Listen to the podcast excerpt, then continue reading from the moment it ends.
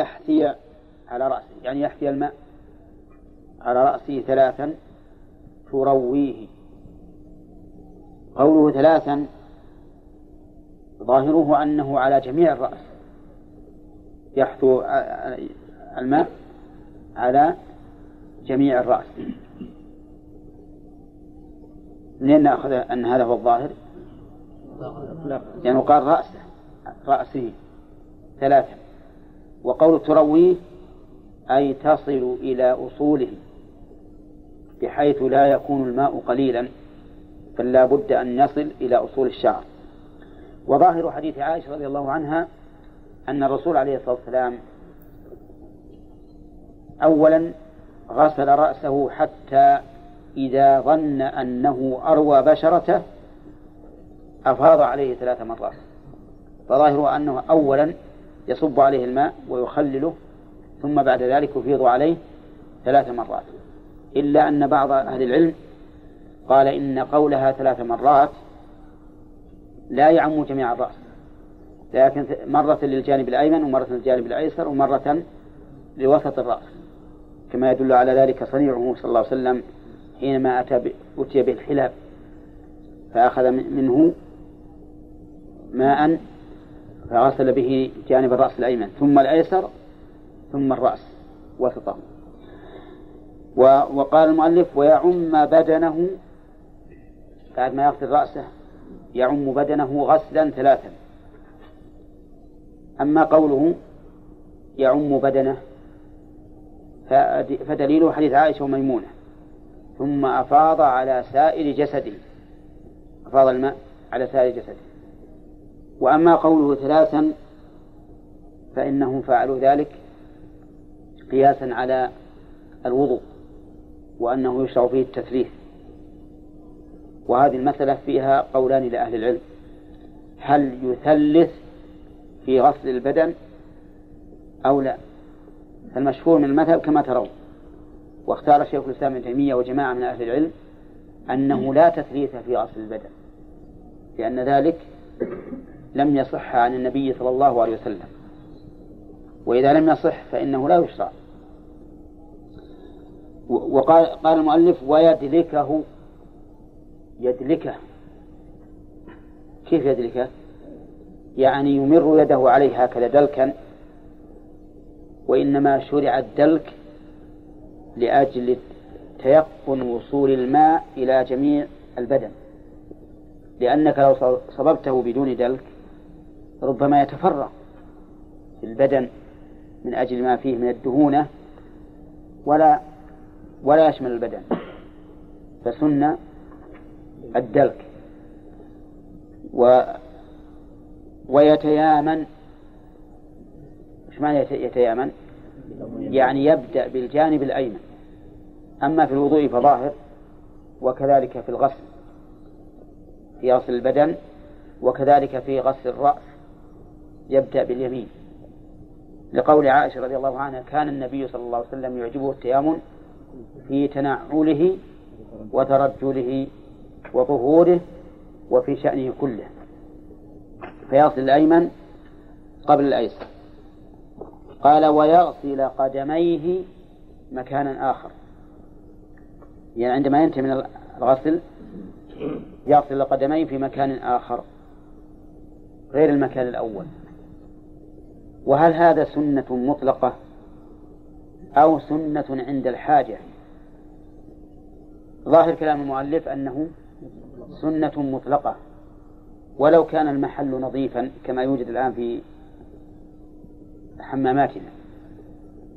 ولكن الذي يظهر لي أنه يغسل رجليه مكان آخر عند الحاجة إلى ذلك كما لو كانت الأرض طينا فهو إذا لم يغسل يديه رجليه في مكان آخر تلوثت بالطين ويدل لهذا أن النبي صلى الله عليه وسلم لم يغسل رجليه في حديث عائشة بعد الغسل. ورواية أنه غسل رجليه ضعيفة. والصواب أنه غسل رجليه في حديث ميمونة. نعم. فالظاهر أن غسل الرجلين في مكان آخر إنما يشرع متى؟ عند الحاجة إليه فقط. نعم. قال ويغسل قدميه مكانا آخر. ها؟ شرحناه طيب. مكان ظرف. ظرف مكان. قال في مكان. لا لا. ما لا لا ما هو شرط طيب يقول والمجزئ أن ينوي إلى آخره. المجزئ يعني الذي تبرأ به الذمة. الذي تبرأ به الذمة.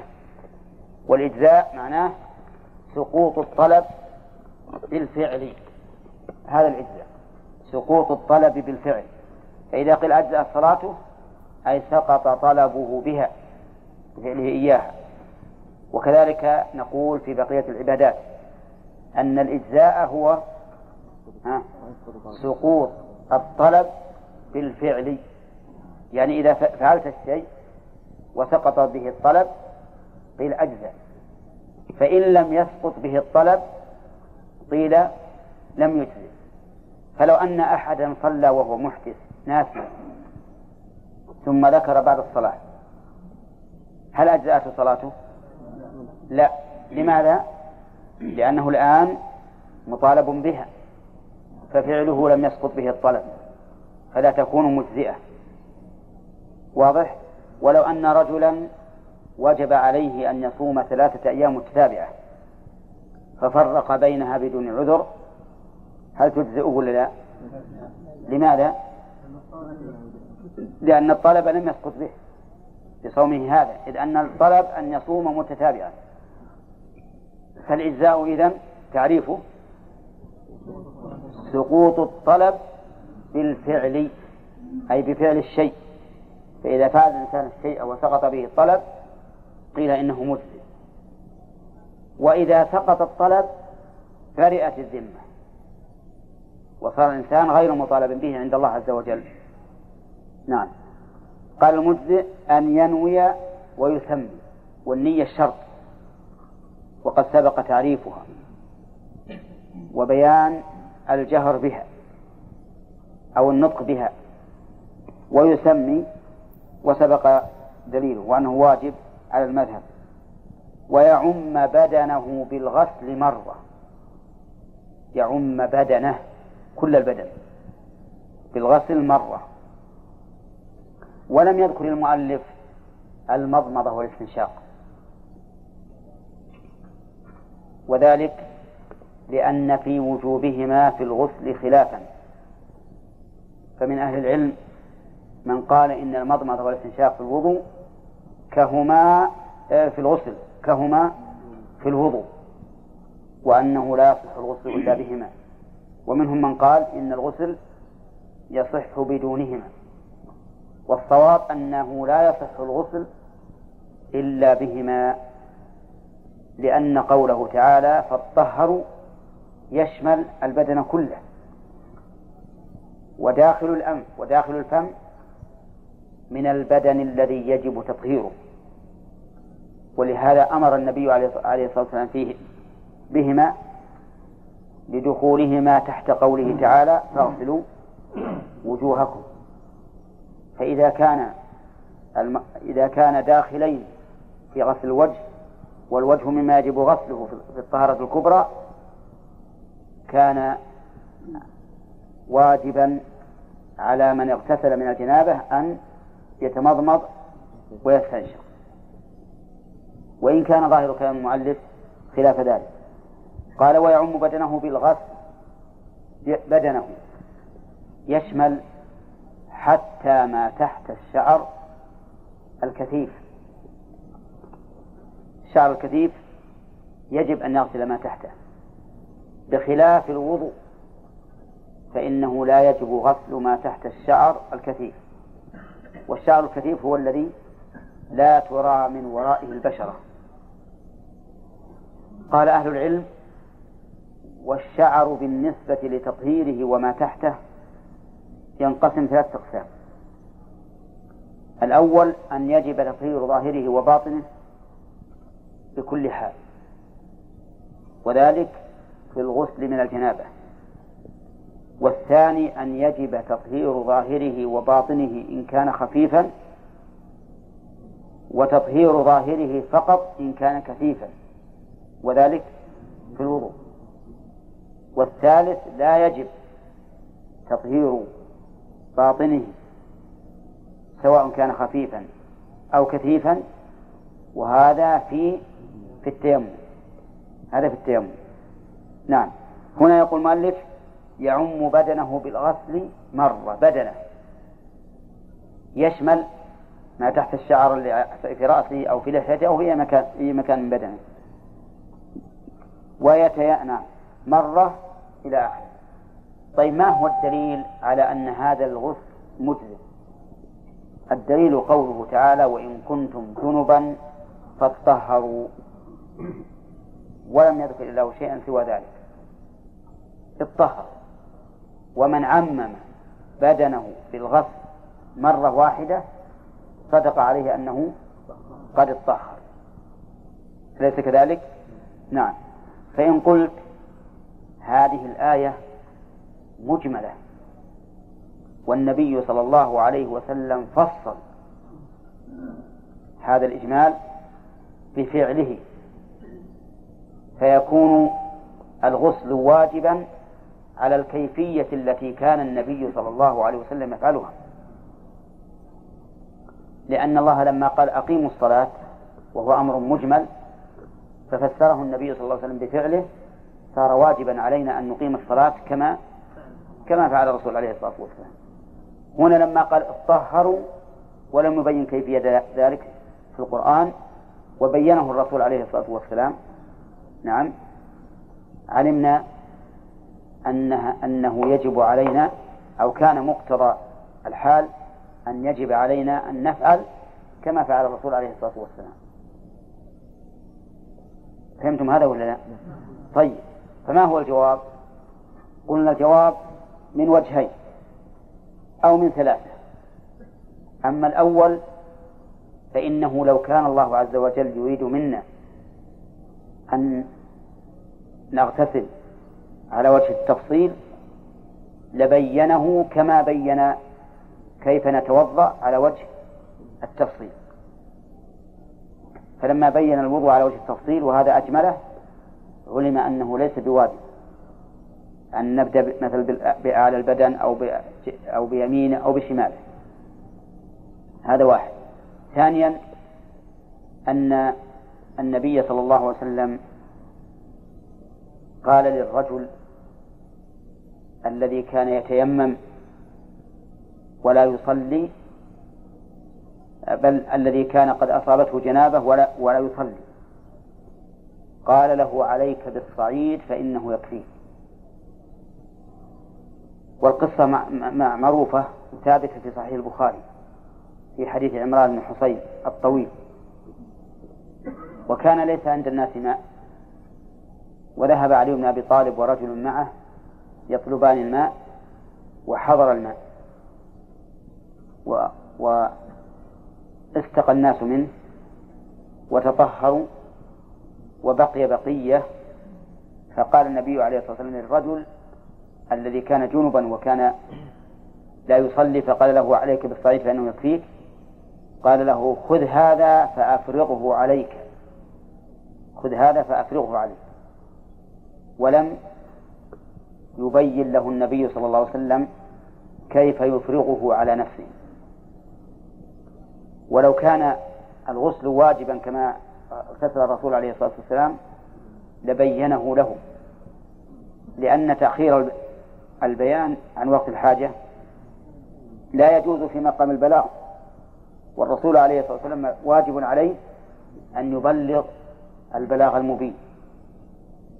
وهذا الرجل يبدو يعني لو قال قائل لعل هذا الرجل يعرف كيفية الغسل فنقول الأصل عدم معرفته. ثم إن ظاهر حاله أنه رجل جاهل بدليل أنه ما علم أن التيمم يجزي عن الغسل عند عدم الماء. هناك أمر ثالث وجه ثالث ولننظر هل يصح أو ما يصح. وهو أن الرسول صلى الله عليه وسلم لم يغتسل على كيفية واحدة. لم يغتسل على كيفية واحدة. بل اغتسل مرة على حسب ما جاء في حديث عائشة ومرة على حسب ما جاء في حديث ميمونة. ولو كانت الصفة واجبة لبقي على حالة واحدة. ولهذا استدللنا على أن التثليث في الوضوء ليس بواجب لأن الرسول صلى الله عليه وسلم كان يتوضأ مرة مرة ومرتين مرتين وثلاثا ثلاثا. في الوضوء في الوضوء ليس بواجب. ولكن قد يقول قائل إن الواجب إحدى الصفتين. إن الواجب إحدى الصفتين. ولكن حديث عمران بن حسين في قصة الرجل في قصة الرجل واضح جدا. وقريب منه في الوضوح قرن الله تعالى الآية قرن الله الغسل, من الجنابة بآية الوضوء بأحكام الوضوء المفصلة دون أن يفصل في الغسل. أما الوجه الثالث ففيه شيء من الضعف. إذا الغسل الكامل أن ينوي بعد يسمي ويعم بدنه بالغسل مرة. فما رأيكم لو أن رجلا نوى وعليه جنابه؟ نوى الغسل فانغمس في بركة أو في غدير. مجتمع السيول. ثم خرج. يجزئه ولا لا؟ ها يجزئه. ها؟ أي يجزئه إذا تمضمض واستنشق يجزئه ذلك. إذا تمضمض واستنشق طيب لو لو أراد الوضوء ثم انغمس في هذا الماء محمد نور. ها؟ لا مو جنابة وضوء. الوضوء إذا كان جنابة جاهز الوضوء من باب أولى. إي بس هذه الأولويات ما في كل مكان. طيب من اللي يعرف؟ لأنه فقد ها؟ لا يجزي لأنه فقد الترتيب. لا يجزي لأنه فقد الترتيب. صح؟ لا يجزي لأنه فقد الترتيب ها؟ إي. هذا عاد مسألة خلافية. المذهب أن الترتيب فرض. لا بد منه. وسبق لنا تقرير ذلك. وعلى هذا فلا يجزي لفوات الترتيب. طيب لو خرج مرتبا. أجزاءه؟ خرج مرتبا. كيف يخرج مرتبا يا ياسر؟ ها؟ لا يخرج يتوضا ما ما يصلح هذا. والله في البركة. إيه؟ في البركة يمر يمر الماء عليه وعلى رجله. هو منغمس الآن. اي نعم في البركة. إيه؟ يأخذ الماء يضع السماء ويمجه أيضا يغسل الماء. هو الآن منغمس كيف يأخذ الماء بيده؟ يمر يده على على أعضائه يعني يدرك أعضاؤه في في وسط الماء ويعتبر هذا ترتيب؟ ها؟ نعم. يخرج يداه ثم يخرج رأسه من المطبقين هم الأخير إي نعم. وما له طريق إلا هذا. يخرج كفيه على أنه غسل وبعدين وجهه ورأسه ما يطلع مع وجهه. نعم. أو ما يمكن. طيب. ثم ثم يطلع يده اليمنى إلى المرفق ثم يده اليسرى إلى المرفق ثم يطلع راسه يمسحه كذا ثم عاد يخرج مرة برجليه. ها؟ إيه؟ إذا كان بساق عاد ينظر. هل إن الجريات تعتبر كل جرية كماء منفرد؟ أو أن الماء الجاري كالراكد وهذا مر علينا ونهو فيه؟ ها؟ في قواعد بالرجع وقواعد الفقهية. هذا في خلاف نعم. طيب على كل حال في مسألة الوضوء إذا انغمس ونوى ما يصلح إلا إذا خرج مرتبا وخروج مرتبا لا شك أن فيه مشقة ويكفي من ذلك كما قال الأخ ياسر أنه يخرج ثم يتوضأ. أي نعم. نعم. هم يقولون إنه لا يتم غسل العضو حتى ينفصل عنه الماء. حتى ينفصل عنه الماء. أي. ها؟ الوضوء يجزئه البركة إذا إذا رتب إذا رتب أجزاء نعم. إذا إذا قيل إن إن الترتيب سنة أجزاء. نعم. لا لا لا لا ما أجزاء. نعم. طيب. لا ما جاء عندي الوقت. قال و... و... أن ينوي ويسمي ويعم بدنه بالغسل مرة. ثم قال ويتوضأ. أنا بسأل عن يتوضأ. هل هي بالنص ولا بالرفع؟ خطأ. خطأ. بالرفع أي نعم بالرفع الجملة السنافية ليست معطوفة على قوله أن ينوي لأنه لو كان معطوفة على أن ينوي لكان المعنى والمجزي أن ينوي وأن يتوضأ بالمد وليس كذلك. فالواو هنا للاستئناف. يتوضأ فعل مضارع مرفوع بضم الظاهرة. يتوضأ بمد ويغتسل بصاع. يعني يسن للإنسان أن أن يكون وضوءه بمد. واغتساله بصاع. المد ربع الصاع. المد ربع الصاع. نعم. والصاع النبوي أقل من الصاع العرفي عندنا أقل بالخمس وخمس الخمس. يعني مثلا الصاع النبوي زينته ثمانون ريالا فرنسيا. وصاعنا زينته مئة ريال وأربعة ريالات. فتأتي بإناء يسع أربعة أخماس الصاع العرفي وتملأه ماء ثم تغتسل به. هذا السنة لئلا تسرف في الماء. فإن أسبغت بأقل جاز كما قال المؤلف. ويتوضأ بمد كم المد؟ المد ربع الصاع قليل جدا يتوضأ به. هذا هو السنة.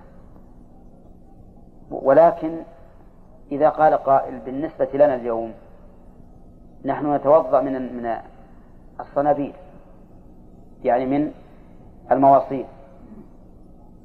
القياس أو مقياس الماء لا ينضبط. صح ولا لا؟ المقياس ما ينضبط هنا. نقول لا تزد على المشروع في غسل الأعضاء. يعني لا تزد على الثلاث في الوضوء ولا تزد على المرة في الغسل. نعم. وبهذا نكون معتدلين.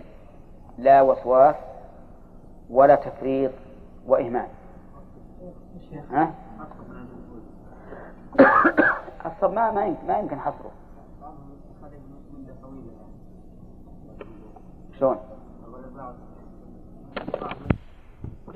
فإن أسبغ بأقل أجزاء إن أسبغ بأقل من المد في الوضوء ومن الصاع في الغسل.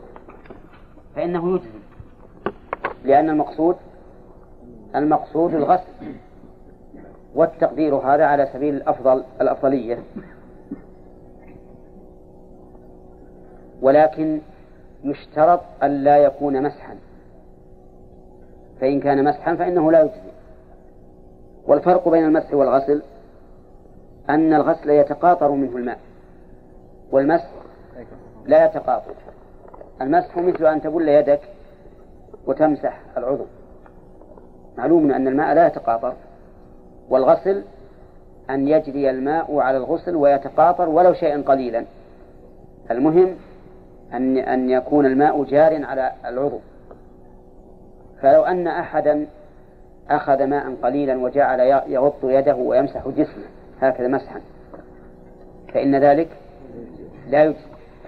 لأن الله تعالى قال فاغسلوا وجوهكم وامسحوا برؤوسكم.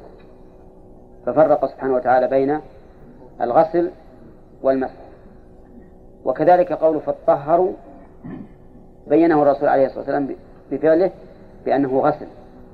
فلا بد إذن من أن يكون غسلا. لكن لو أسبغ بأقل فلا حرج فهو جائز. قال أو نوى بغسله الحدثين أجزأ. أو نوى بغسله الحدثين أجزأ. وش عنه؟ عن الحدثين. لقول النبي صلى الله عليه وسلم إنما الأعمال بالنيات وإنما لكل امرئ ما نوى. وهذا الرجل نوى بغسله رفع الحدثين فحصل له ما نوى. واضح؟ طيب. فهل هناك نية أخرى؟ نعم هناك نية أخرى. أن ينوي رفع الحدث الأكبر فقط. أن ينوي استباحة ما لا يباح إلا بالوضوء. أن ينوي استباحة ما يباح بالغسل فقط. فالوجوه كم؟ أربعة. أن ينوي الحدثين جميعا. فهنا يرتفع الحدثان. لأنه نواهما. أن ينوي رفع الحدث الأكبر فقط ويسكت عن الأصغر. فظاهر كلام المؤلف حيث قال أو نوى بغسله الحدثين. ظاهر كلامه أنه يجزي ولا لا؟ لا يجزي. فعليه يرتفع الأكبر ولا يرتفع الأصغر. لقول النبي صلى الله عليه وسلم إنما الأعمال بالنيات وإنما لكل امرئ ما نوى وهذا لم ينوي إلا الأكبر. وعلى هذا فلو جئت مثلا واغتسلت من الجنابة ومن أجل السرعة ذهب عن عن ذهنك نية الوضوء ولكنك نويت الجنابة فقط. فعلى ما ما مشى عليه المؤلف لا يجزئك عن الوضوء لا بد أن تتوضأ. واختار شيخ الإسلام ابن تيمية أنه إذا نوى رفع الحدث الأكبر فقط وسكت عن الأصغر فإنه يرتفع الحدثان. واستدل لذلك بقوله تعالى وإن كنتم جنبا فاطهروا مع أنه قال سبحانه وتعالى إذا قمتم إلى الصلاة فاصلوا وجوهكم وإن كنتم جنبا فاطهروا. وعلى هذا فإذا تطهر الإنسان بنية الحدث الأكبر فإنه يجزئه لأن الله لم يذكر سوى ذلك.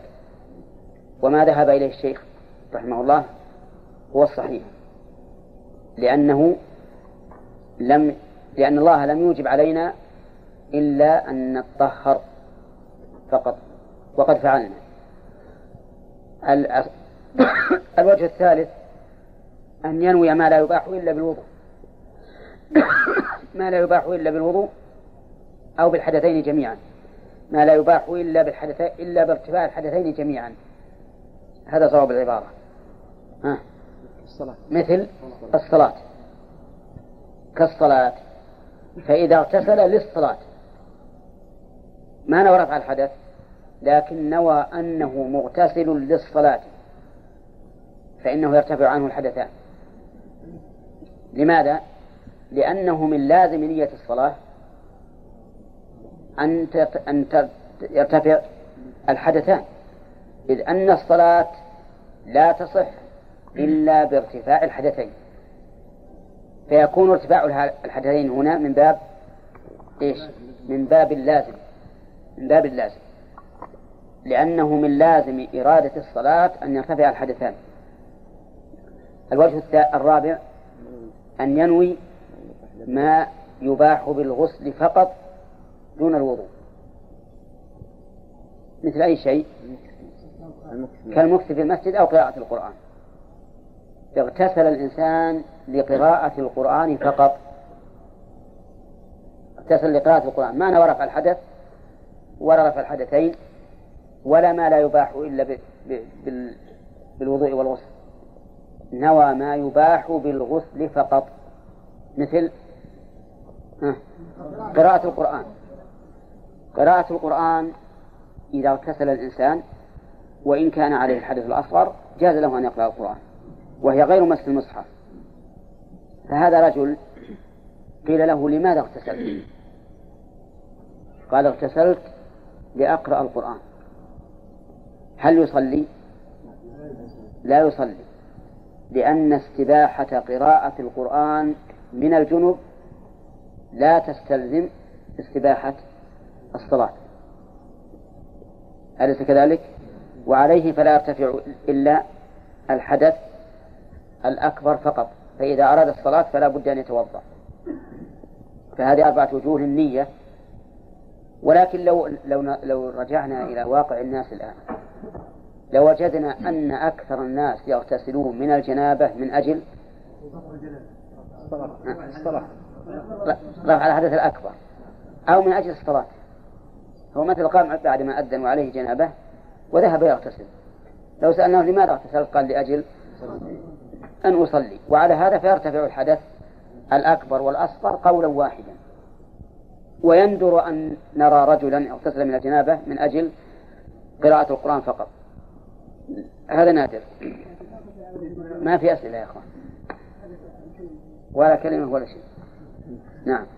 يقول المؤلف آه، أو أو نوى بغسله الحدثين الحدثين كيف الحدثين؟ المراد رفع رفع الحدثين نعم. ويسن لجنب غسل فرجه والوضوء. قول غسل فرجه والوضوء يعني الاثنان جميعا. يعني الاثنين جميعا. يسن له غسل فرجه ووضوءه لهذه الأمور الثلاثة للأكل والشرب والنوم ومعاودة الوطن لأكل يسن أن يتوضأ الجنوب للأكل. وإن اغتسل فالغسل أفضل بلا شك. ولهذا ينبغي للإنسان أن يبادر باغتساله من الجنابة بقدر ما يستطيع. فإنه أفضل لأنه أطهر وأنقى. لكن إذا قال أنا سأؤخر الاغتسال نقول إذا توضأ. الأكل وظاهر كلام المؤلف العموم.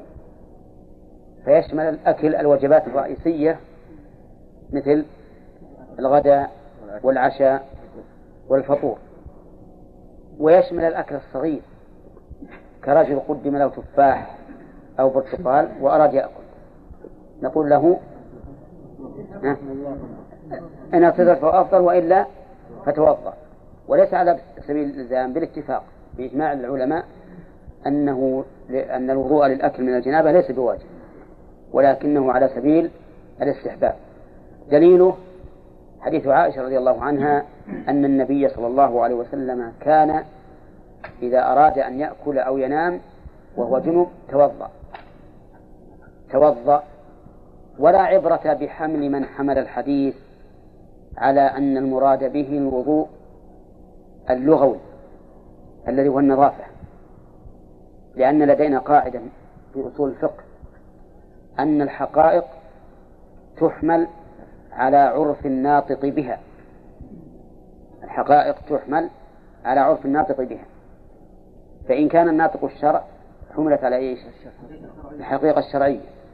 إذا كان الناطق من أهل اللغة حملت الحقيقة اللغوية. من أهل العرف حملت على الحقيقة العرفية. فلو أننا خاطبنا رجل من النحويين. وقال زيد آه، نعم. وقال الفاعل. ما هو الفاعل في عرف النحويين؟ لا في عرف النحويين. هو الاسم المرفوع المذكور قبله عامله سواء كان فعلا أو مشتقا. الاسم المرفوع المذكور قبله عامل. عرفتم؟ لكن الفاعل في اللغة هو من قام به الفعل. فمثلا زيد قائم في اللغة. فاعل يا أخوان في اللغة فاعل. زيد قائم نقول زيد فاعل في اللغة العربية. لكن عند النحويين ليس بفاعل. مبتدأ وخبر. السبب لأن الحقائق أو لأن الك... ال... ال... ال... نعم الحقائق تحمل على عرف من الناطق بها. في لغتنا الآن كلمة شاة تعني لا ما هي الضأن الأنثى من الضأن لكن في الشرع في أربعين شاة شاة المر علينا ها؟ يشمل الذكر والأنثى من الضأن والمعز فقول عائشة رضي الله عنها توضأ توضأ. ما لا يمكن أن نحمله على الحقيقة اللغوية بل على الحقيقة الشرعية. نعم. وكذلك أيضا في حديث عمار بن ياسر أن النبي صلى الله عليه وسلم رخص للجنب إذا أراد أن يأكل أو يشرب أو ينام أن يتوضأ. فهذا أيضا واضح لكن الأول في مسلم وهذا في السنن. وعلى كل حال هذا الدليل. النوم يسن للجنب أن لا ينام إلا بعد وضوء. الدليل فعل النبي صلى الله عليه وسلم. ثانيا استفتاه عمر رضي الله عنه. فقال يا رسول الله أيرقد أحدنا وهو جنوب؟ قال نعم إذا توضأ فليرقد. وفي لفظ أنه قال له اغسل فرجك وتوضأ ثم نم. وهذا أمر. فهذا دليل على أنه يسن أن يتوضأ الإنسان عند من الجنابة عند النوم. وإذا رجعنا إلى صيغة الحديث. إذا رجعنا إلى صيغة الحديث. أيرقد أحدنا وهو جنوب؟ قال نعم. إذا توضأ فليرقد. أو توضأ. اغسل فرجك وتوضأ ثم نم. إذا رجعنا إلى هذه الصيغة وش تقتضي يا جماعة؟ ها؟ تقتضي الوجوب. لأنه قال نعم إذا توضأ. إذا توضأ فليرقد. وتعليق المباح على شرط يدل على أنه لا يباح إلا به. وعليه فيكون الوضوء من الجنابة عند النوم واجبا. وإلى هذا ذهب ذهب الظاهرية وجماعة كثيرة من أهل العلم. ولكن المشهور عند الفقهاء والأئمة المتبوعين أن ذلك على سبيل الاستحباب. واستدلوا بحديث عائشة أن النبي صلى الله عليه وسلم كان ينام وهو جنب من غير أن يمس ماء. من غير أن يمس ماء. ولكنه قد نوزع في هذا الحديث في سنده وفي دلالته. أما سنده فقد ادعي فيه الانقطاع. وأما متنه فقد حمل قولها لم يمس ماء أي ماء للغسل. أي ماء للغسل. انتبه. ولكن التعليل بالانقطاع قد رد بالاتصال وأن أبا إسحاق سمع من الأسود الذي رواه عن عائشة. ومعلوم أنه إذا تعارض الوصل والقطع فالمعتبر الوسط كما هو في اصطلاح المحدثين. وأما قولهم ولم ولم يمس ماء أي ماء للغسل فهذا بعيد أن يقيد بالغسل. ليش؟ لأن ماء نكرة في سياق إيش؟ في سياق النفي. فتعم أي ماء. تعم أي ماء.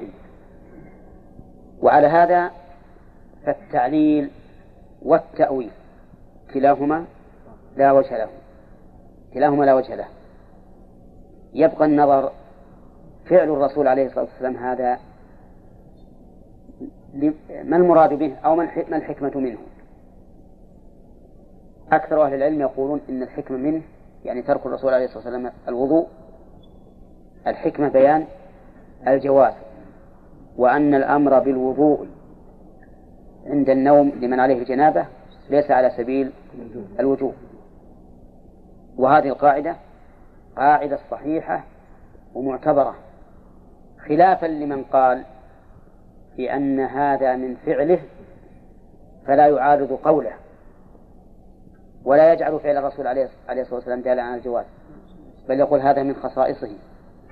ونحن أمرنا بأن بأن لا ننام إلا بعد بعد الوضوء أما هو فإنه ينام بغير وضوء والله تعالى يختص بحكمه من يشاء. وهذه الطريقة يلجأ إليها الشوكاني رحمه الله في نيل الأوطار. وأنا أتعجب من سلوك هذه الطريقة لأنه من المعلوم أننا لا نحمل فعل الرسول عليه الصلاة والسلام أو قوله على الخصوصية إلا حيث تعذر الجمع. أما إذا أمكن الجمع فإنه لا يجوز أن يحمل النص على الخصوصية لأن الأصل التأسي به. قال الله تعالى لقد كان لكم في رسول الله أسوة حسنة. فإذا كانت الأصل التأسي به فلا وجه لحمل النص على الخصوصية مع إمكان الجمع. ويدل على أن على أن فعل الرسول عليه الصلاة والسلام أو قوله لا يحمل على الخصوصية بل هو على العموم قوله تبارك وتعالى وامرأة مؤمنة إن وهبت نفسها للنبي إن أراد النبي أن يستنكحها خالصة لك من دون المؤمنين. وجه الدلالة من الآية؟ أن الله سبحانه وتعالى بين أنها خالصة. ولولا هذا لكان مقتضى النص أن الإنسان يجوز أن يتزوج بالهبة. هذا دليل. دليل آخر لما قال الله سبحانه وتعالى في قصة زينب بنت جحش. قال فلما قضى زيد منها وطرا زوجناكها وكان وكانت زينب تحت زيد بن حارثة. وزيد بن حارثة كان قد تبناه النبي صلى الله عليه وسلم. فلما أحل الله له زينب قال لكي لا يكون على المؤمنين حرج في أزواج أدعيائهم إذا قضوا منهن وطرا. الحكم خاص والعلة عامة. إذا معناه أن الحكم الذي يثبت الرسول عليه الصلاة والسلام ويخص به يكون له وللأمة وإلا لم يكن لقوله لكي لا يكون على المؤمنين حرج في أزواج أدعيائهم فائدة. إذا فالذي يظهر لي أن الجنب أن الجنب لا ينام إلا بوضوء على سبيل الاستحباب لكنه أوكد من من الأكل والشرب. ولهذا ذهب الفقهاء رحمهم الله إلى أنه يكره للجنب أن ينام بدون وضوء. يكره. وأما الأكل والشرب فلا يكرهان بدون وضوء. ففرقوا بين الجنب بين النوم وبين الأكل والشرب. الثالث قال ومعاودة وطئ وطئ نعم. بسن أن يتوضأ الإنسان إذا أراد أن يعود مرة أخرى إلى الجماع لأن النبي صلى الله عليه وسلم أمر به. وقد ثبت ذلك في صحيح مسلم أنه إذا جامع الإنسان أهله ثم أراد أن يعود فليتوضأ بينهما وضوءا. وهذا الأمر الأصل فيه الوجوب وأنه إذا أراد الإنسان أن يعود مرة أخرى فإنه يجب أن يتوضأ. ولكن هذا الأمر أخرجه عن الوجوب ما رواه الحاكم في الحديث. قال إنه أنشط للعود. إنه أنشط للعود. نعم. هذا يدل على أن الوضوء هنا ليس عبادة حتى نلزم الناس به. ولكنه من باب التنشيط. من باب التنشيط. فيكون الأمر هنا للإرشاد وليس وليس للوجوب. وكان النبي عليه الصلاة والسلام يطوف على نسائه كلهن بغسل واحد. وإن كان طوافه عليه بغسل واحد لا يمنع أن يكون يتوضأ بين الفعلين. و فيكون قوله لمعادة الواط على سبيل الاستحباب وليس على سبيل الوجوب.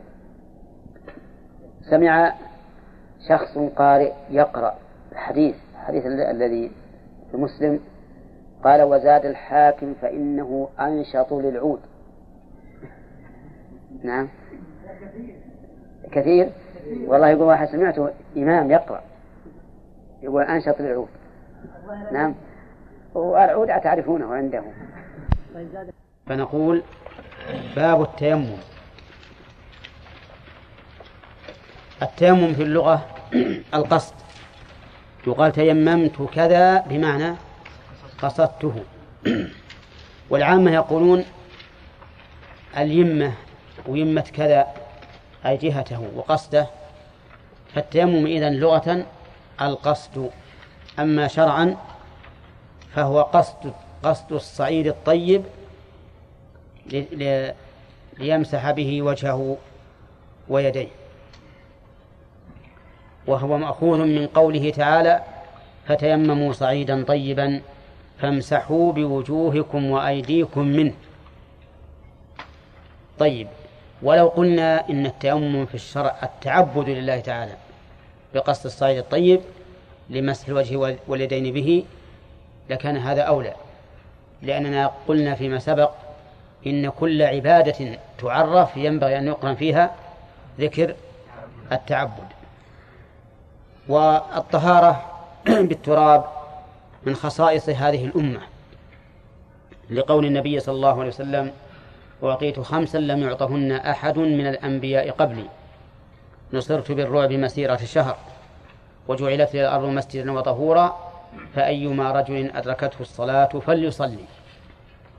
وذكر الحديث رواه جابر. وكانت الأمم السابقة إذا لم يجدوا ماء بقوا حتى يجدوا الماء فيتطهروا به ثم يقضوا ما فاتهم من الصلوات. ولا شك أن في هذا مشقة عليهم. وفيه أيضا حرمان للإنسان من الصلة بالله عز وجل كل هذه المدة. لو بقي عشرة أيام ما صلى حتى يجد الماء. وتعرفون أن انقطاع صلة الإنسان بينه وبين ربه أنها تحدث للقلب غفلة وقسوة. طيب آه التيمم نزل بسبب ضياع عقد لعائشة رضي الله عنها. ضاع لها عقد آه، كانت تتحلى به للنبي صلى الله عليه وسلم وأخذته عارية. فلما ضاع بقي الناس يطلبون هذا العقد. وأصبحوا ليس معهم ماء. فأنزل الله تعالى آية التيمم. ولما نزلت آية التيمم وشرع التيمم للناس بعثوا البعير التي هي راكبته يعني أثروه وكان باركا. فلما بعثوا وجدوا العقد تحته. وهذا من حكمة الله. أن الله سبحانه وتعالى لم يلهمهم أن يبعثوا البعير. بل بقوا يطلبون هذا العقد كل الليل من أجل أن يشرع الله سبحانه وتعالى هذه الطهارة لعباده. قال أسيد بن حضير رضي الله عنه ما هذه أول بركتكم يا آل أبي بكر؟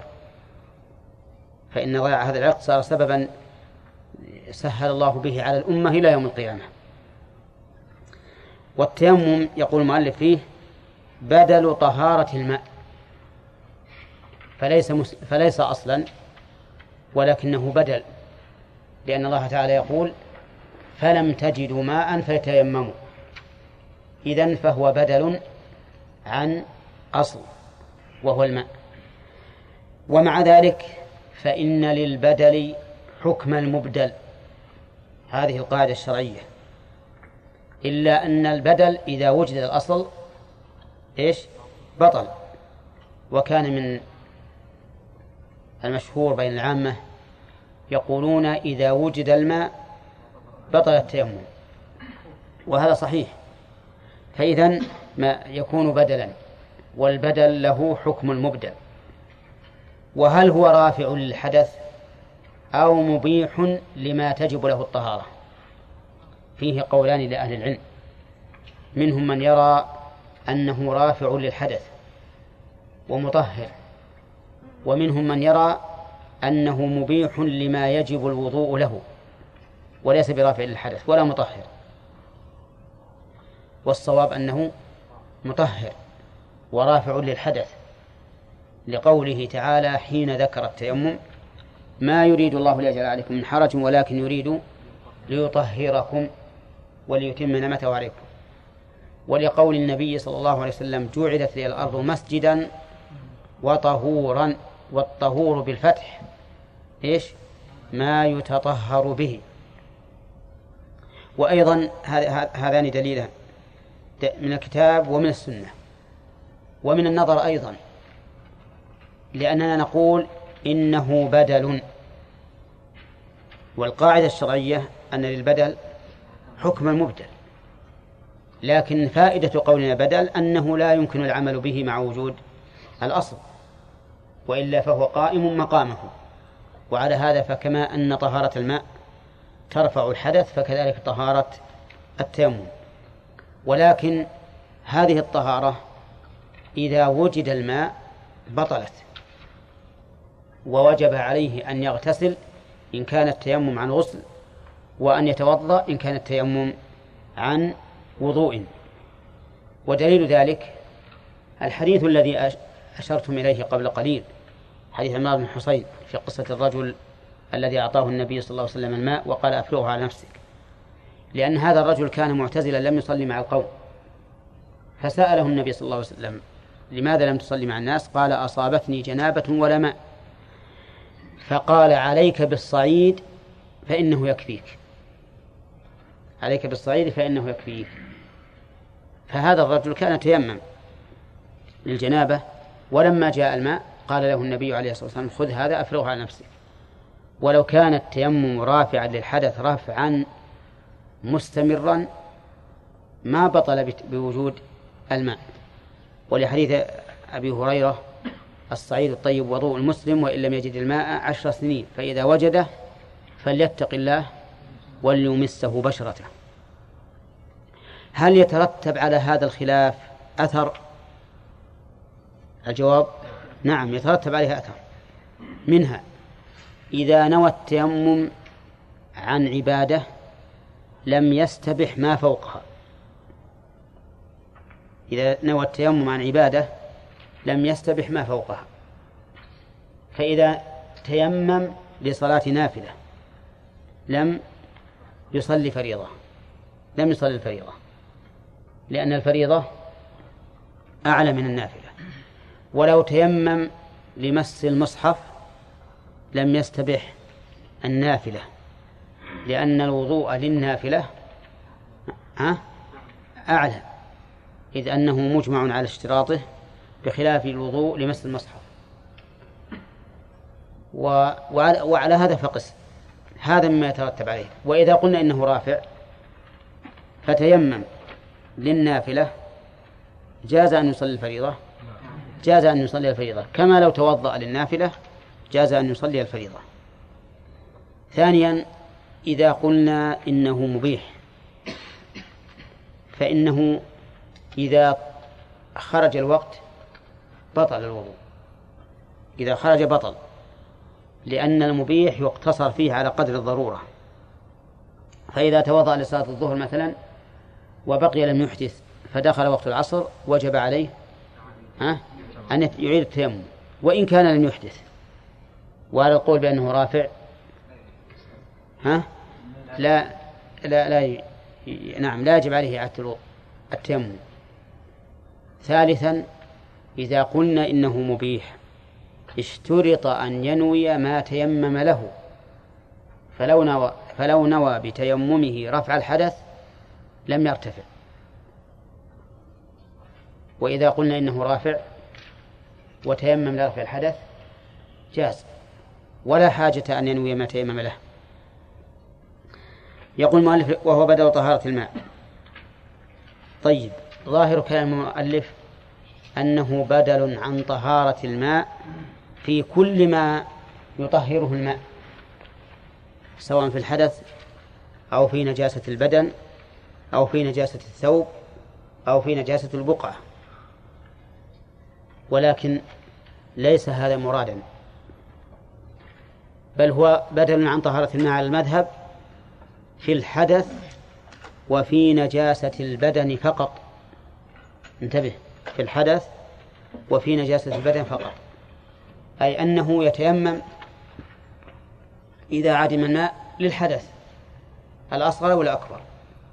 ويتيمم كذلك إذا كان عليه نجاسة على بدنه ولم يقدر على تغييرها فإنه يتيمم لها. فإن كانت النجاسة على الثوب أو على البدء أو على البقعة لم يتيمم لها حتى على المذهب والصحيح أنه لا تيمم إلا في الطهارة عن الحدث فقط لأن هذا هو الذي ورد به النص.